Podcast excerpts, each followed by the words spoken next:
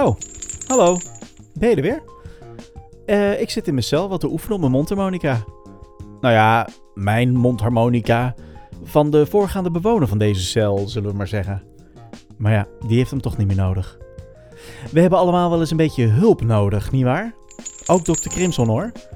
Telkens als hij het gewicht van de wereld weer harder en zwaarder op zijn schouders voelt drukken, ja, dan is daar toch altijd weer zijn butler Achiel om hem een stevige massage en de nodige pillen te geven. Je moet elkaar toch een handje helpen. Daarover gesproken, zou jij de perfecte podcast willen helpen? Geef dan een paar sterren en schrijf een recensie in de podcast-app waar je nu luistert. Ga ik even verder met oefenen.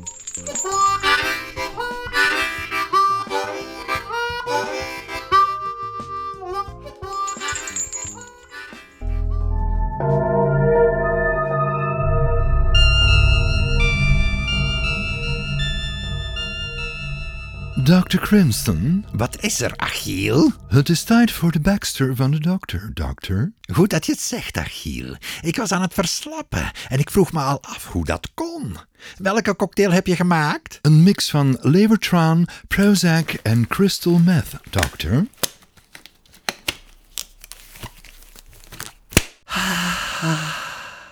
Wil de dokter na het infuus van de dokter nog iets eten, dokter? Ik zal niet veel honger hebben, maar eh, een kleinigheid wil ik wel, Achiel.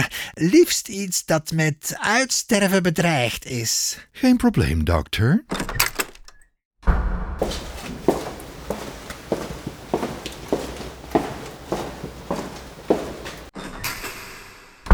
De dokter is de dokter niet meer.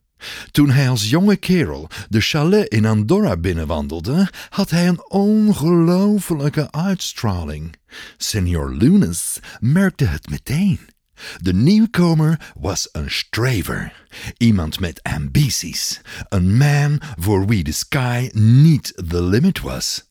Maar ambitie was niet het enige wat opviel. De jonge Dr. Crimson had tegelijk iets grimmigs. Hij straalde venijnigheid en boosaardigheid uit. Het venijn droop van zijn gezicht. Senior Lunas zag de dokter aan het hoofd van de academie staan, maar Dr. Crimson liet zich niet in verleiding brengen. Hij had zijn eigen agenda.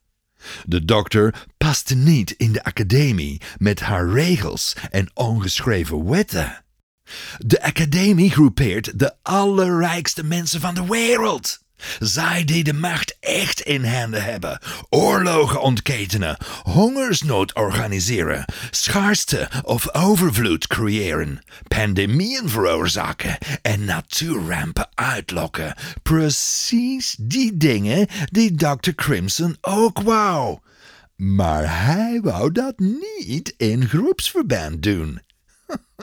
De dokter is een eenzaad, een lone wolf. Hm? Maar de academie duldt geen concurrentie. Toen duidelijk werd wat de dokter van plan was, hadden ze de dokter makkelijk uit de weg kunnen ruimen.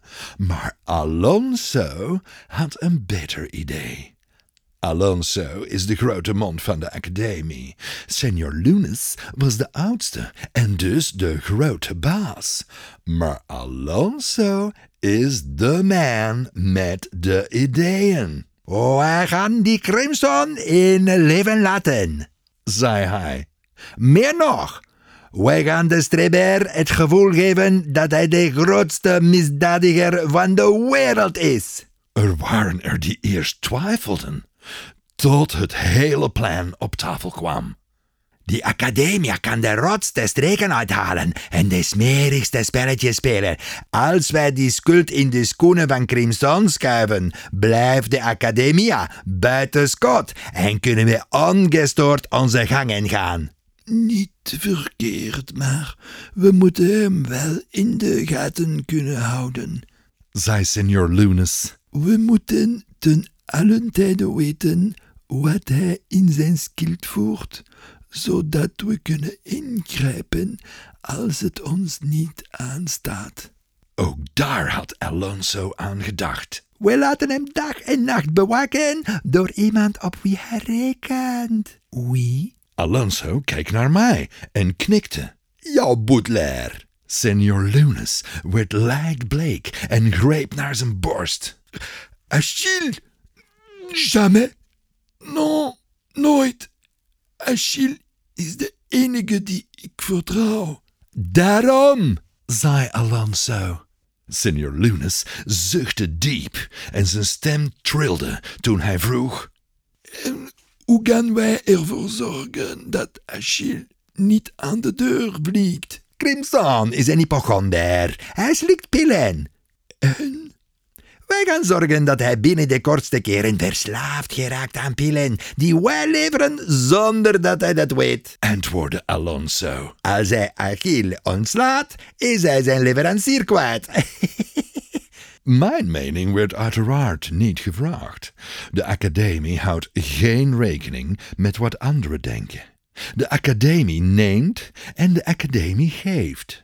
De academie beslist over leven en dood. In die tijd had Dr. Crimson veel last van de bijwerkingen van de medicijnen die hij voor zijn epilepsieaanvallen nam. Natuurlijk had de academie iets beters. De academie heeft medicijnen tegen bijna alles, maar die houden ze voor zichzelf. De brol die niet of half werkt, die ligt bij de apotheker. Ik moest het goede medicament aan Crimson geven en duidelijk maken dat hij dat enkel via mij kon krijgen. Dr. Crimson knapte ziender ogen op. Het duurde niet lang of hij vroeg om voor hem te werken. Precies zoals Alonso had voorspeld. En voilà, hier sta ik dan voor de deepfreeze van Dr. Crimson. Wat zal ik maken? Hmm, een kleinigheid. Liefst iets met uitsterven bedreigd, zei de dokter. Een carpaccio van Maleisische neushoorn dan maar? Ja, why not? Waarom niet?